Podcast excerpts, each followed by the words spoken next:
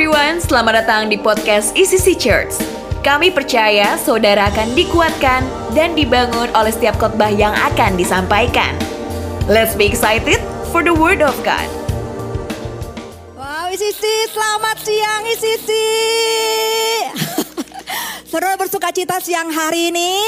Yes, boleh bilang kiri kanannya, saya seneng banget lihat kamu hari ini.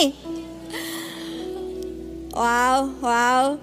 Wow, so uh, saya percaya uh, hari ini luar biasa banget. Uh, udah musim liburan, but I think uh, Tuhan mau siapin firman yang luar biasa hari ini, amin. Dan dan dua bulan ini, I think kita udah banyak belajar banget tentang bagaimana kita mengasihi, bagaimana kita punya kasih yang genuine. Dan minggu lalu, Pastor Victor luar biasa banget ya ngebagiin tentang arti kasih. Kasih itu ada bicara tentang kepercayaan hidup, kasih bicara tentang kualitas hidup, kasih bicara tentang apalagi nih kapasitas hidup. Oke, kualitas hidup, kepercayaan hidup dan kapasitas hidup. Dan hari ini saya mau melanjutkan juga tentang kasih di dalam keluarga. Dan hari ini saya akan khotbah dan judul khotbah saya adalah Healthy Family. Bilang kiri kanannya Healthy Family. Dan uh, kerinduan saya setelah pulang ibadah hari ini, uh, setiap kita diubahkan, setiap kita bisa belajar banyak dan kita bisa membangun keluarga yang harmonis, keluarga yang menyenangkan, keluarga yang bahagia. Amin ya. Oke, kita buka satu firman uh, Tuhan dari Amsal, Amsal 11 ayat 29. Saya akan bacakan buat Bapak Ibu Saudara tempat ini. Firman Tuhan berkata demikian.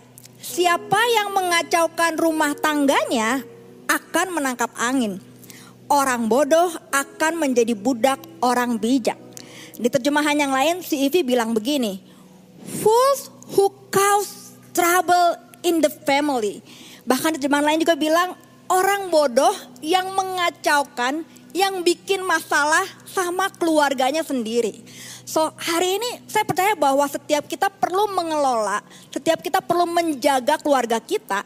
Karena waktu kita bikin masalah, kita mengacaukan keluarga kita, kita dibilang orang bodoh. Bahkan seperti usaha menjaring angin, gak akan dapat apa-apa dalam hidupnya. Why? Karena keluarga adalah bagian dari hidup. Kita lahir dari sebuah keluarga, kita juga akan mengakhiri hidup kita dengan keluarga kita. Bener nggak ya? Kita lahir sebuah keluarga dan kalau kita meninggal pun kita pasti bareng-bareng sama keluarga ya. Dan kemarin waktu uh, minggu lalu lah saya ke rumah duka dan dan di rumah duka itu uh, anaknya bilang gini, si papa udah siapin tanah ternyata tanah buat dia dikubur di mana? Di dekat engkong sama emak. Jadi saya bilang iya ya. At the end of our life kita itu akan berakhir bareng-bareng sama keluarga, bener gak sih? Kita pasti pengennya dikubur sebelah pasangan kita kah, deket sama opa oma lah, sama uh, orang tua, sama anak. Uh, karena karena mereka adalah bagian dari hidup kita. Bahkan sampai hari ini sedekat-dekatnya uh, anak komsel gitu ya. Saya belum pernah tuh di dalam komsel saya dengar ada pembicaraan, uh, bro, lu kan dekat sama gua ya, udah komsel selama 20 tahun. Gimana kita kalau kita meninggal kita sebelahan aja nggak kuburannya. Kayaknya sampai sekarang ya. Dekat-dekat kita sama temen komsel kita nggak pernah berpikiran beli tanah kuburan barengan. Kenapa? Karena kita tahu kita akan berakhir bersama dengan keluarga kita. Amin ya. Dan kenapa kita perlu uh, bisa mengelola, kita perlu bisa membangun keluarga kita? Karena keluarga di dalam keluarga kita itu punya posisi yang tidak tergantikan. Kalau hari ini kita bekerja, kita jadi director kah, kita jadi board kah, komisaris, manajer, general manager, apa pun itu, one day kita pasti akan tergantikan. Waktu kita pensiun, waktu kita kita uh, pulang, ya udah akan ada orang yang menggantikan sebagai direktur berikutnya, general manager berikutnya, bahkan di ministry pun kita adalah orang-orang yang tergantikan hari ini kalau kita doing ministry bersyukurlah karena nggak selama lamanya kita punya kesempatan melayani. Kalau hari ini kita jadi home leader, son leader, head department, one day pasti posisi kita itu digantikan oleh orang lain. Dan dan even pastor sekalipun dan sebagus-bagusnya kita melayani, sebagus-bagusnya kita bekerja, one day kita pasti akan digantikan oleh orang lain. Tapi di dalam keluarga posisi kita nggak akan pernah tergantikan. Hari ini saya ibu dari dua orang anak, Rafa dan Ben. Dan mau anak saya masih kecil hari ini umur 8 dan 10, mau nanti mereka berumur 30 40, saya tetap ibu mereka. Saya tetap berfungsi jadi ibu mereka, saya tetap jadi uh, dipanggil mama sama mereka. Dan dan even sekarang papa saya udah udah udah bersama bapak di surga, saya tetap anak kalau orang lihat saya, saya tetap anak Pak Johan dan Ibu Winnie. Gak ada yang bisa menggantikan posisi mereka dalam hidup saya. So keluarga penting banget. Karena di keluarga lah posisi saudara, fungsi saudara tidak bisa digantikan oleh siapa pun dan apa pun. Bilang kiri kanannya, keluarga itu penting. So hari ini kita akan belajar tiga hal aja. Gimana caranya supaya kita bisa membangun keluarga yang sehat. Dan yang pertama adalah healthy family is fun. Bilang kiri kanannya fun. I think ini poin pertama buat saya banget ya. Kayak saya khotbahin diri saya sendiri. Karena keluarga yang sehat saya belajar bahwa iya ya ternyata emang bener. Keluarga yang sehat itu keluarga yang fun. Keluarga yang playful. Keluarga yang bisa main bareng. Keluarga itu bukan bukan bukan company gitu ya. Bukan bukan perusahaan yang bicara tentang untung rugi bukan. Tapi keluarga itu adalah keluarga yang uh, keluarga itu Tuhan mau kita tuh bisa menikmati di dalamnya keluarga nggak sempurna karena kita sebagai orang tua, sebagai menantu, sebagai mertua kita nggak sempurna, sebagai anak kita nggak sempurna, adik kakak kita nggak sempurna, tapi Tuhan mau setiap kita bisa menikmati keluarga kita. Ecclesiastes 11 ayat 8a bilang gini. People ought to enjoy every day of their lives, no matter how long they live. Pengkhotbah bilang apa? Setiap orang sebaiknya bisa menikmati hidup mereka. Berapa lama pun hidup mereka bisa menikmatinya. Kita nggak pernah tahu kapan Tuhan panggil kita pulang. So, mari pastikan kita bisa menikmati keluarga kita. Seringkali kita itu bisa lama banget ya hangout sama temen. Kita bisa ngobrol lama banget di telepon sama teman kita. Tapi begitu gantian kita ngobrol sama pasangan, gak ada ide. Nah kalau udah gak ada ide kayaknya harus ikutan shoot escape 2 tahun lagi ya. Harus nabung dari sekarang gitu. Nah kalau gak ada ide nah kayaknya harus di refresh lagi. So kebanyakan kita menikmati sama orang lain. Tapi begitu pulang ke rumah kita nggak bisa menikmati keluarga kita lagi. Padahal Tuhan mau kita menikmati keluarga kita. Hari ini mungkin kesibukan, tekanan rumah tangga, kebutuhan keuangan membuat kita sibuk bekerja lebih banyak di luar dibandingkan di rumah. Tapi pengkhotbah 8 ayat 15 terjemahan NLT bilang ini, I recommend having fun. Oke, okay? bahkan yang yang terakhir dibilang gini, that way you will experience some happiness along with all the hard work God gives you. So artinya gak salah dengan kerja keras. Tapi jangan sampai, jangan sampai kita lupa bersenang-senang sama keluarga kita. Karena keluarga adalah gift dari Tuhan hadiah dari Tuhan, kepercayaan dari Tuhan. Mereka hanya kasih anak saya itu hanya punya saya sebagai ibunya. Mau mau siapa pun yang baik sama anak saya nggak bisa menggantikan posisi ibu dalam hidup mereka. Karena cuma saya yang bisa jadi ibu mereka, cuma saya yang Tuhan suruh jadi ibu mereka. So, begitu juga dengan Bapak Ibu Saudara. So, mari pastikan kita bisa menikmati waktu-waktu sama anak kita uh, belakangan ini saya coba gimana ya caranya saya supaya bisa bisa fun sama anak-anak saya. Jadi minggu-minggu ini saya lagi uh, akhirnya menemukan satu permainan baru yaitu bermain Uno gitu ya. Nah jadi minggu-minggu ini sering banget tuh Rafa, Mami kita main Uno yuk, kita main Uno. Ya I know ya mungkin untuk beberapa eh, keluarga, aduh kayaknya Uno kurang menarik begitu. Tapi buat anak-anak saya itu menarik banget buat main Uno gitu ya. Dan kita main Uno. Jadi kadang-kadang kita berpikir untuk having fun itu, untuk bersenang-senang. Dulu saya berpikir kayaknya mesti punya uang banyak nih.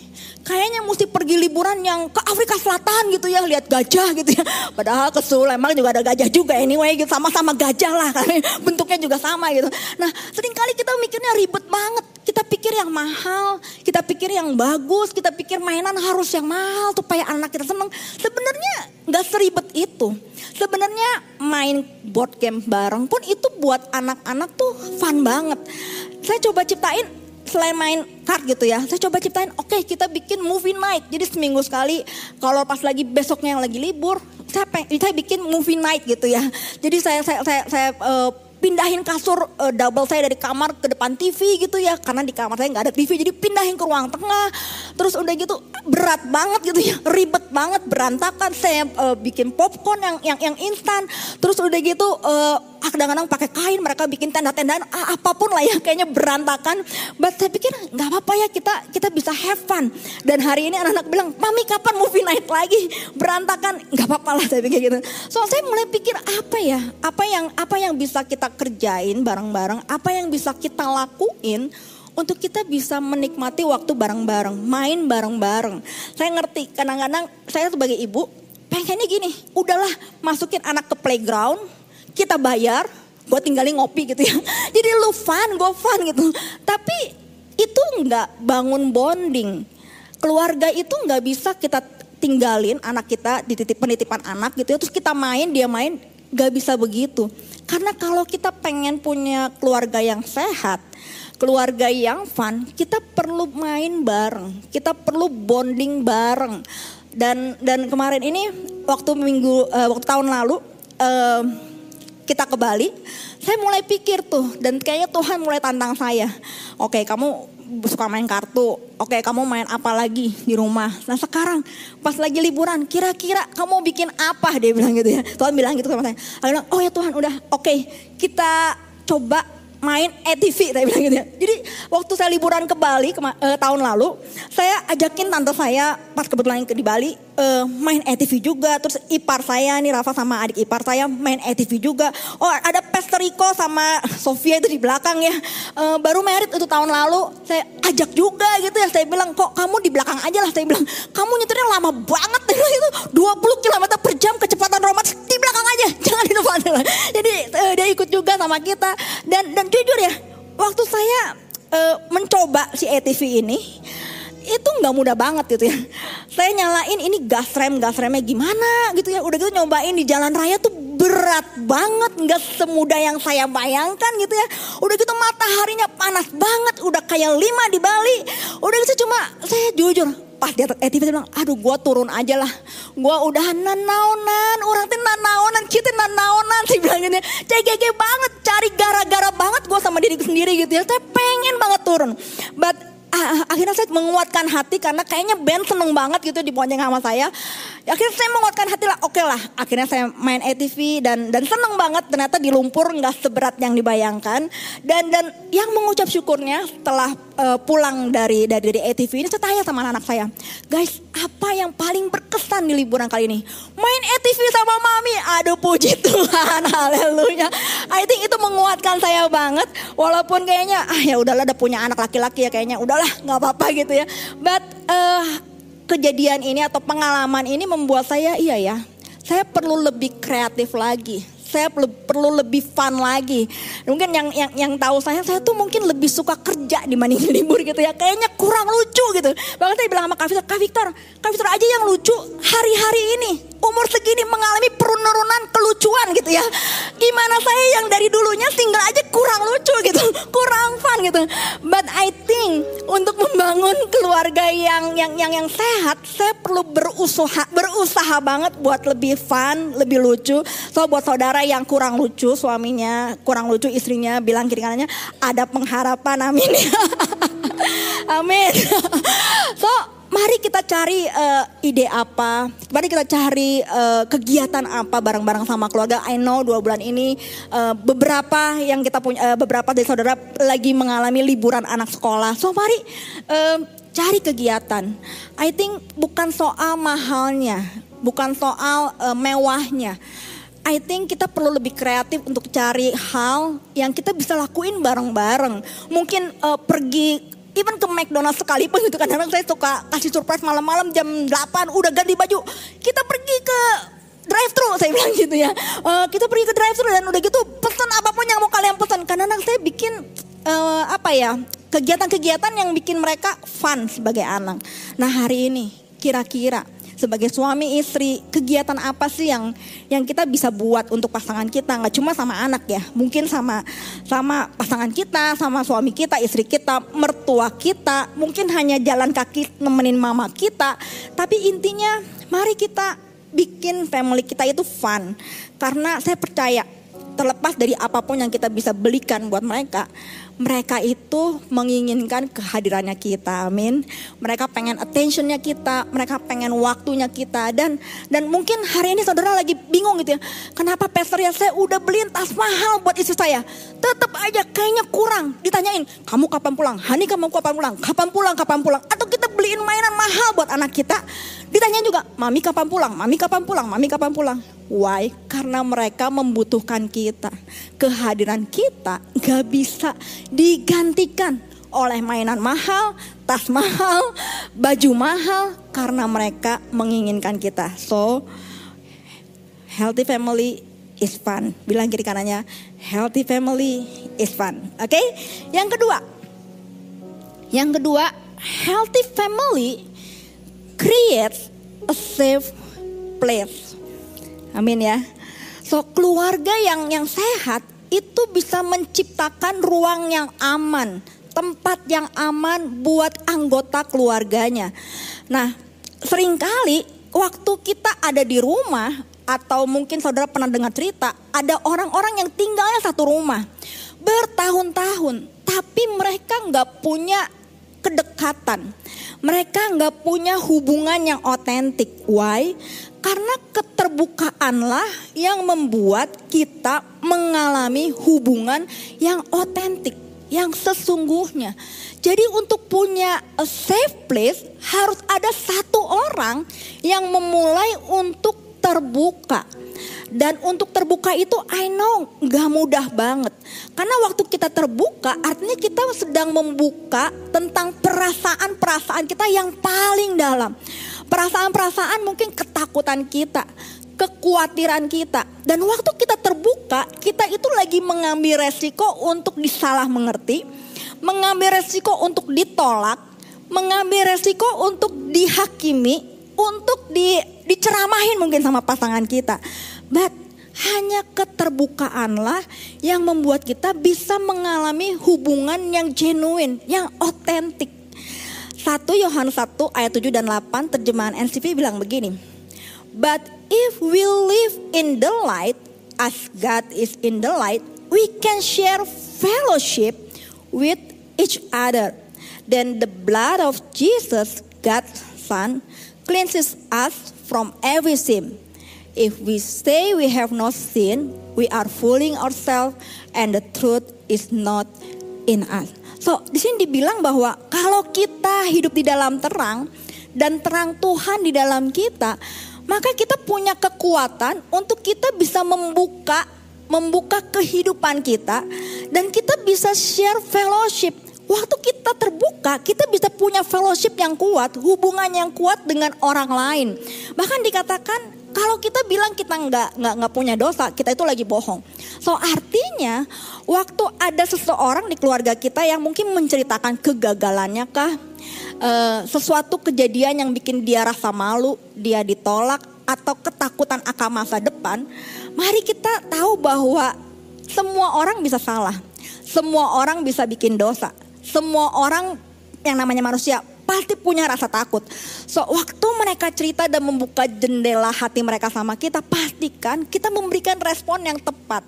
Why? Karena kalau kita responnya me, apa ya menghakimi, uh, menceramahi, saya pastikan mereka nggak akan cerita sama kita. Why? We need to connect before we correct.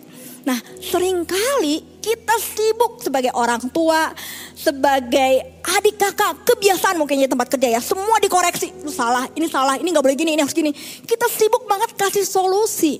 Sedangkan di keluarga sering kali uh, papa mama kita sering kali adik kakak kita sering kali bahkan mungkin anak-anak kita orang terdekat sama kita mereka itu cerita hanya untuk ingin dimengerti bukan dikoreksi mereka cuma pengen kamu ngerti hati uh, hati saya lagi ngerasa gini. Kamu saya pengen kamu ngerti posisi saya kayak gini. Saya pengen kamu bela saya. Itu intinya waktu mereka cerita. Dan saya percaya waktu kita bisa kasih uh, ruang dan membuat mereka aman, membuat mereka diterima apa pun kondisi hidup mereka, mereka akan bisa bertahan hidup. Why? Karena keluarga adalah benteng benteng pertahanan terakhir seseorang. Wanda saya pernah ngobrol sama seorang ibu dan dia bilang, aduh Ci ini suami saya lagi lagi uh, berat banget. Dia lagi ada di musim terendah dalam hidup dia. Dan saya cuma bilang, jangan tinggalin suami kamu. Karena waktu seseorang ada di musim terendah atau di masa terendah dalam hidup dia, justru dia sangat membutuhkan dukungan anak-anak dan istrinya. Saya yakin banget, saya bilang, saya yakin banget buat dia itu mau teman-temannya ninggalin dia, mau koleganya tinggalin dia, mau uangnya habis sekalipun atau dunia against dia, selama istri dan anak-anak mendukung, dia pasti bisa melewatinya. Why? Karena keluarga adalah benteng pertahanan terakhir seseorang. So, pastiin setiap kita waktu kita membangun keluarga, pastikan bahwa anak-anak kita itu rasa aman. Anak-anak kita bisa melewati badai kehidupan. Uh, adik kakak kita bisa melewati badai kehidupan. Why? Karena ada keluarga yang mengcreate a safe place buat setiap mereka. Amin. Healthy homes, healthy family create a safe place. Amin ya. Saudara masih bersama dengan saya ya. Yang ketiga, yang terakhir, healthy family is growing together. Bilang kiri kanannya growing together. So, saya percaya bahwa keluarga yang sehat itu pasti bertumbuh. Karena kalau nggak sehat, ya pasti nggak bertumbuh ya. Karena kalau sehat itu pasti otomatis pasti bertumbuh. Dan Tuhan mau setiap kita bertumbuh dalam segala hal. Why? Karena Tuhan mau mempercayakan lebih banyak dalam hidup kita. Lukas 2 ayat 52 ini cerita tentang Yesus. Dikatakan gini, Jesus grew in wisdom and stature and in favor with God and man. Jadi dibilang bahwa Yesus itu bertumbuh di dalam hikmat, di dalam uh, physically dia bertumbuh juga, but dia juga bertumbuh in favor with God and in favor with man. So Yesus itu bertumbuh nggak sendirian. Yesus itu selama hidupnya dia itu tinggal besar di sebuah keluarga. Nggak di hutan sendirian karena dia Yesus ya udahlah tinggalnya di hutan dan dia bertumbuh. Enggak, enggak, enggak. Bahkan Yesus yang adalah 100% eh, manusia, 100% Tuhan, dia itu besar dan tinggal di sebuah keluarga. Dan di dalam keluarga lah Yesus bertumbuh hikmatnya, yaitu uh, secara mental dia bertumbuh, dia dia dia, dia tahu apa yang oke okay dia lakukan, apa yang enggak hikmatnya bertumbuh. Dia bertumbuh juga dalam secara fisik of course, dia bertumbuh in uh, in favor with God, artinya dia bertumbuh dalam kerohaniannya, pengenal akan Tuhannya dia bertumbuh, tapi dia juga bertumbuh uh, with man favor with men. Artinya Yesus itu bertumbuh dalam hubungan sosialnya. Dan dia belajar ini semua di sebuah keluarga. So hari ini keluarga adalah tempat kita belajar. Tempat pertama kita belajar adalah keluarga. Tempat pertama kita bertumbuh adalah keluarga. Dan saya dapati bahwa di dalam keluarga itu kita belajar banyak hal. Yang yang yang buat saya uh, apa ya uh, ngeh banget gitu ya. Dalam keluarga itu saya belajar how to handle emotion. Gimana saya memanage emosi saya. Bagaimana saya lakukan dengan semua perasaan yang saya punya. Why? Karena emosi itu selalu ada selama kita masih manusia. Dan dan saya ingat banget ya, uh, saya itu waktu kecil, dari kecil itu saya saya waktu waktu saya sedih, waktu saya marah, sering kali saya tuh gak bisa marah karena kalau e, responnya salah, marah, suka dimarahin gitu. Jangan marah gitu ya. Gak boleh marah. Udah lakuin aja. Pokoknya kerjain aja. Ngerti gak ngerti kerjain aja. Di di awal-awal e, apa? Saya masih kecil mungkin itu oke. Okay. Tapi dengan bertambah usia saya, bertambah dewasa, ternyata waktu saya masih kecil itu terbawa sampai saya udah besar. Jadi ada ada masa-masa di mana saya kayaknya em, mengalami yang namanya emotional shutdown gitu ya. Saya kalau saya terluka, saya sedih, saya sakit, saya tuh diem. Kadang saya nggak bisa atau nggak mampu mengidentifikasi emosi saya. Jadi kalau teman-teman saya bilang, "Dah, lu mah lempeng banget, lurus banget." ya mungkin emang kepribadian saya agak lurus gitu lempeng gitu ya. Kurang punya perasaan gitu. Tapi di sisi yang lain saya tuh lagi belajar banget gimana mengidentifikasi emosi saya. Saya tuh sering banget rasa bersalah kalau saya marah. Jadi kayaknya kalau marah saya salah saya nggak boleh marah saya nggak boleh kesel sama orang saya harus berubah jadi saya sangat press perasaan saya. Tapi kadang-kadang Kak Victor bilang, Len gak apa-apa lu ngerasa gitu. Hah gak apa-apa, kayaknya dari dulu karena mikirnya selalu salah gitu ya. Kalau marah salah, kalau sedih salah, gak boleh sedih, harus kuat. Aduh kayaknya itu mengalami yang namanya emotional shutdown. But, but itu nggak cuma terjadi sama saya, karena itu cara yang saya tahu, saya bawa juga ke anak-anak saya. Di awal-awal saya ngegerin anak-anak saya, kalau mereka marah, saya masukin ke kamar saya masukin ke kamar dan luar biasanya saya nggak di kamar itu dong, saya di luar gitu ya. Dan kebayang nggak, anak saya bukannya jadi lebih baik, tapi makin marah karena udah ditaruh di kamar. Terus mami nggak ada ditinggalin sama mami, jadi makin marah. Jadi nggak bagus banget lah. Dan akhirnya waktu saya mulai belajar baca buku, saya saya searching, googling dan lain sebagainya, saya baru ngerti. Oh, oke okay ya kalau misalnya marah, saya harus ada di kamar. Saya perlu saya perlu ajarin anak-anak saya untuk nggak mengambil keputusan karena perasaan.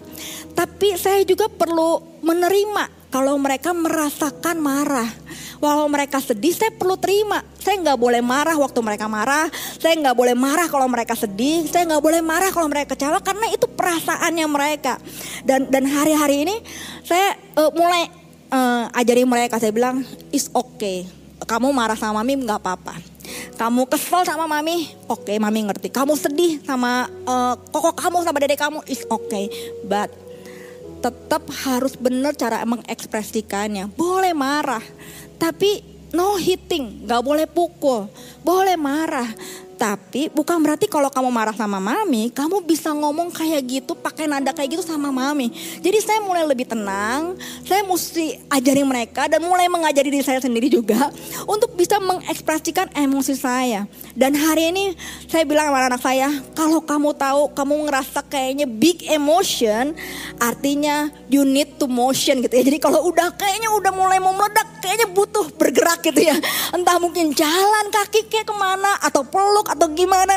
Dan dan kayaknya itu cukup berhasil lah. Bahkan waktu saya siapin bahan ini, saya udah bilang udah agak tinggi nadanya, guys kasih mami waktu, kasih mami ruang, I need to be alone. Langsung Ben naik ke pangkuan saya, langsung peluk saya.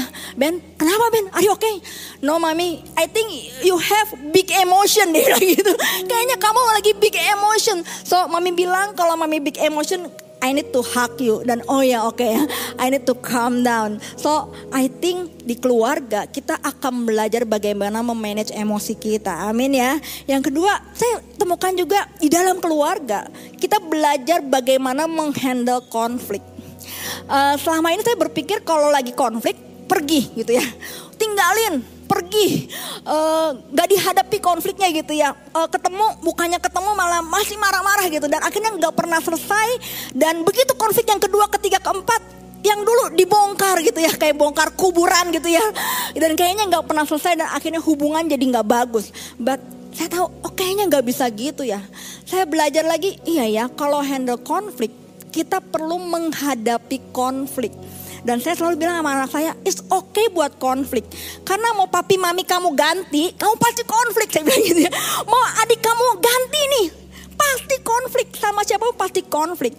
But kalau kita konflik, kita perlu menghadapi konflik. Jangan lari dari konflik.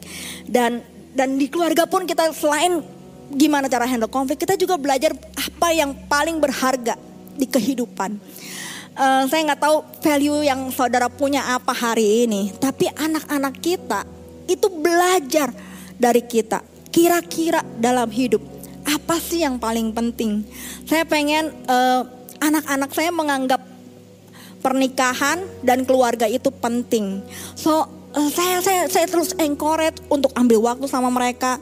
Saya encourage diri saya sendiri. Saya bilang sama mereka apa pun dalam hidup yang penting kita keluarga bareng-bareng. Mau uangnya lagi banyak, mau uangnya kurang banyak gitu ya.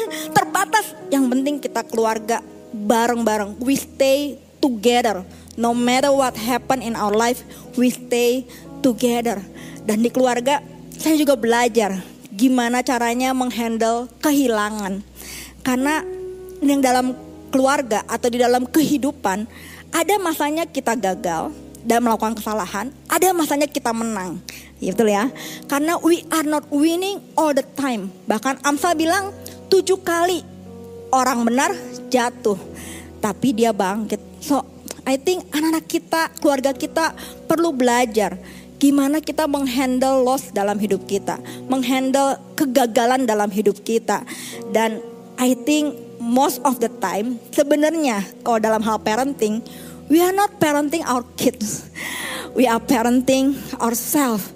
Jadi sebagai orang tua, mari kita mengupgrade kapasitas kita untuk kita parenting ourselves karena uh, waktu kita menjadi orang tua yang lebih baik pasti anak-anak kita akan bertumbuh menjadi lebih baik dan dalam hidup saya percaya waktu kita bertumbuh menjadi pribadi yang lebih baik kita akan attract yang lebih baik juga because in life we do not attract what we want but we attract we only attract what we are so mari I think ini waktunya liburan, mungkin banyak uh, dari kita untuk berlibur.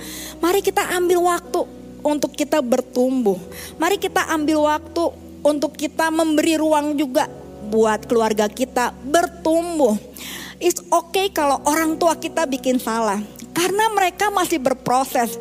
Jangan jangan jangan punya apa ya tekanan atau ekspektasi yang terlalu besar buat orang tua kita sehingga kita nggak bisa memberikan ruang buat mereka untuk bertumbuh. Mari kasih ruang untuk mereka berproses, melakukan kesalahan. Mari kasih ruang untuk anak-anak kita juga berproses, bertumbuh, melakukan kesalahan. Mari kasih ruang juga untuk pasangan kita berproses, eh, melakukan kesalahan karena waktu kita memberikan mereka ruang untuk bertumbuh, saya percaya keluarga kita akan menjadi keluarga yang growing together. Healthy family is growing together. Amin. So, tiga hal aja. Healthy family is fun. Healthy family creates a safe place. Healthy family is growing together. Amin. Saya percaya ini pesan yang khusus buat setiap kita yang mendengarkan. We pray that this message will bless you and build you. See you at the next podcast.